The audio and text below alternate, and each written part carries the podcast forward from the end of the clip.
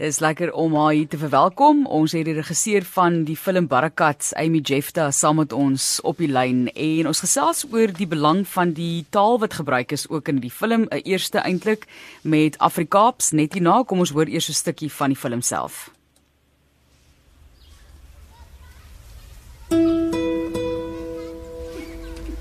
Aisha Davids. Sal jy met my trou? Jy is 'n pensionaar. Wat wat wat jy nou opgeskep sa patamans mens op jou ou dag? Abdul nog lou warm in sy graf. Nou lekker. Ja, julle is vroeg ja. Wat het die boys te sê oor Albertus? Hulle Pietie, ek het 'n plan. Ek gaan ons almal oorkry vir 'n parang en dan gaan ek die nuus vir hulle breek maar op 'n mooi manier. Wag, wag, wag. Wat gaan hier aan? Sy's engaged. Wat? Wag nou. Kan ek net my moment enjoy kan hulle?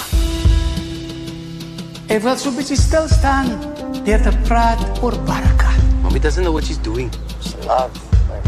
It's not love. Says who? He's a nice man. Ek gee nie om nie. Wist, sal jy at least try om 'n man te leer ken?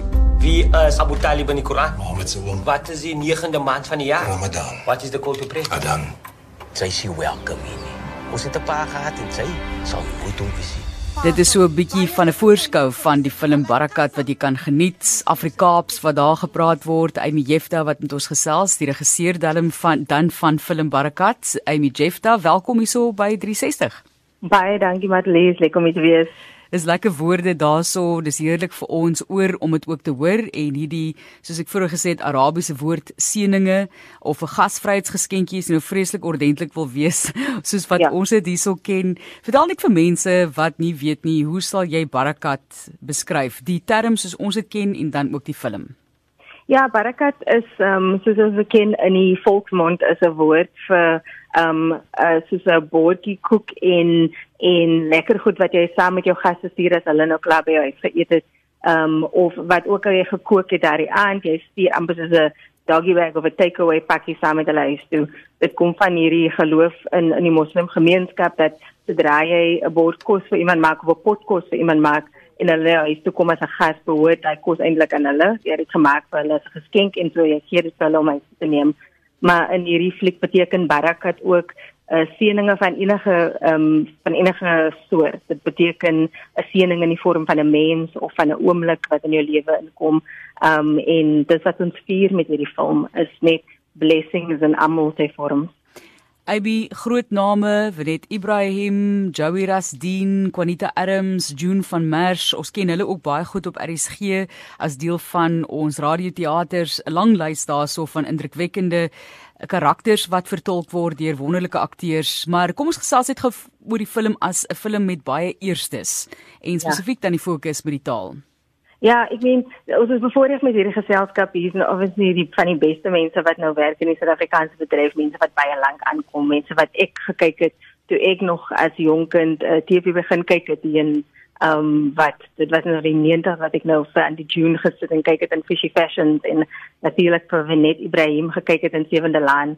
Ehm um, maar ek meen dis nogal ehm um, vir my ehm um, snacks soms dat ons nog altyd boundaries breek met hierdie film. Dit is die eerste film wat gemaak word oor die uh, moslim gemeenskap en spesifiek die Kaap Malay gemeenskap um, en dan nog in Afrikaans ook Afrikaans en Afrikaans verfilm is. Um, en dit is vir my baie lekker.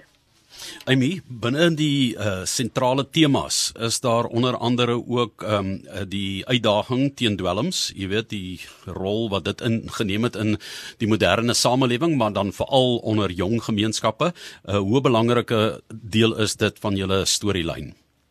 Seker ons ons met hierdie storie wil ons glad nie eers gefokus het op daardie ehm um, soos mense wil sê daardie ehm um, ewels wat ons dikwels gesien uitbeeld het in in veral wanneer ons met breingemeenskappe ehm um, wanneer by, by breingemeenskappe wat bekom is dit gewoonlik stories oor uh bendes en uh dwelms en smokkelry. En ons was as ons kan sê ons was dik van daardie stories veral wat uit ons breingemeenskappe uitkom. En so ehm um, dis regtig nie deel van ons storielyn hier nie. Ehm um, ons wil regtig gefokus het op familie of op, op die samelewing of op wat dit voel om om as moslim in die Kaap groot te word oor die liefde van 'n familie. En um you know dis toekomstig dat daar um issues is wat die familie het maar daai issues gaan nooit oor um so van dwelms en bendes en en daai goed ons het regtig probeer om 'n ander narrative te begin hier met uh, met hierdie storie. Ja, wat gaan dikwels oor 'n skietery en daai vorm van geweld en die slagoffers wat daarmee gepaard gaan. So ek uh, jy weet dit is belangrik om dit te doen, maar daar is vele ander stories op vele ander vlakke ook, maar die ontginning van die taal is absoluut fantasties want ek dink um, ek en Marlies het nou al vanoggend bespiegel oor 'n paar dinge, maar onder andere dat um, Afrikaanssprekende soms mekaar glad nie verstaan nie en dis in dieselfde taalgroep. Dit is nogal interessant, oh. Né? Absoluut, dit is vir my lekker um, om actually wat ek wat ek van daarvan dink as Afrikaans vir my is die is die taal van my familie, is die taal waarmee ek groot geword het, is die manier hoe ek Afrikaans praat. En daai manier is soos hulle sê creolized, dit het derivatives van Afrikaans, dit gebruik Engels woorde en dit meng taal en vir sommige mense is dit natuurlik um like how could you hoe kan jy taal meng? Maar vir my is dit my Afrikaans Um en natuurlik um is daar baie woorde van die Cape Arabiese of die Arabiese of Muslim um gemeenskap wat ook deel is van daai taal. So die woord barakat veral, uh, woorde soos kanala of vir dankie, shukran, um vir dankie, um um afwan vir jy is welkom. Jy weet hierdie woorde is deel van ons leksikon op die op die Kaapse vlakte. Um en dit vir my lekker om nou uiteindelik dit ook op die op die op die groot afet te sien op die, op die big screen, you know, dat ons nou in lewende lewe en dit was altyd die bedoeling. Ja, ek dink die wortels van Afrikaans is mos soos 'n potjie kos of sal ek sê soos 'n biryani of 'n mix masala. Exactly. Nou, ja, Dis exactly wat dit is. Dit is die stem van Amy Jefta wat met ons gesels, ook een van Mail and Guardian se top 200 jong Suid-Afrikaners benoem in die verlede. Sy het ook die nasionale Eugene Maree Prys vir drama ontvang baie jare gelede al 2019 die ontvanger van een van Suid-Afrika se hoogste kunste eerbetone natuurlik daarmee die Standard Bank Jong Kunstenaar toekenning vir teater en in 2020 die ontvanger van die Bami Prys vir draaiboekontwikkeling en dit is 'n indrukwekkende CV daardie Amy. Ja. Vertel vir ons hoe jy voel, wat bereik jy vir jouself en vir jou eie loopbaan ook en vir jou eie kultuur dalk ook met die film Barakat en kan ons meer daarvan verwag in die toekoms? Ja, definitief. Ek meen vir my is dit baie um, ek is baie opgewonde oor die feit dat ehm um, so baie van die pryse en wat jy nou genoem het was vir ehm um, skryfwerke of draaiboeke wat ek geskryf het in in wat ek sien as my eie taal, hierdie Afrikaans um en dat ek nie nodig gehad het om myself te verander of in 'n in 'n leksikon geskryf het wat wat nie normaal of natural kom vir my nie. So dit dit is vir my baie um indrukwekkend ook dat die internasionale gemeenskap so oop is vir hierdie tipe um kultuur en hierdie tipe um volksmond. Jy weet mense is actually nie skieurig of soos ons sal sê bus oor um hoe dit klink om Afrikaans te wees.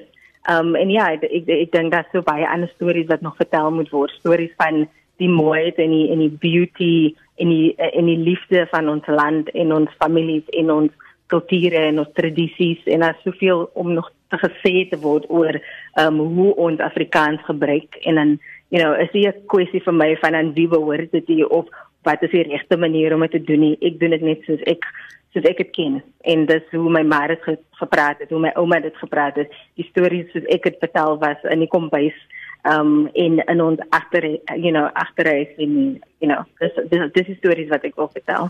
Ja, ek sien hierso is so 'n kort sinopsis en is regtig twee sinne en dit sê alles 'n middeljarige matriarg wil graag haar gebroke disfunksionele familie oor die Eid al-Fitr bymekaar bring om die nuus oor die nuwe liefde in haar lewe met hulle te deel. So dis waar die ding begin. Dit klink vir my daar baie interessante begin, maar ook in hierdie tyd Ramadan is um ook nou die uh jy weet was nou baie in die nuus die afgelope tyd gewees in in Eid die mense wat um al jy weet bymekaar gekom gekom het so om te gesels nou op hierdie oomblik is ook uh, nogal seker vir jou belangrik en betekenisvol. Definitief en ek dink ehm um, dis ook 'n is 'n venstertjie in 'n geloof en in 'n in 'n kultuur en in 'n manier van leef wat mense nie noodwendig weet hoe dit gebeur egte toedere nie. Jy weet natuurlik van jou miskien jou kollegas of vriende of wie ook al wat Ramadan ehm um, vier of hierdie jy weet vas vir hierdie tyd of pausa soos hulle sê, maar jy weet nooit wat agter toedere gebeur nie. En ek uh, hoop regtig hierdie hierdie uh, fliek is vir mense wat nogal nuuskierig is oor die kultuur en wil weet hoe dit voel om um, deur daardie Ramadan maand te gaan en wat moslims doen. Um ons het baie van dit ons wil baie van dit ontbloot in hierdie fliek. Um en ja, natuurlik is dit die groot tema van liefde vind in jou ouer jare en um hoe mens weer liefde vind wanneer jou tyd so so kort verby is. Um en dat jy weer verlief kan raak en dat daar 'n nuwe kans is um veral vir jy weet vir ouer mense en in hierdie geval vir 'n weduwee om weer verlief te word.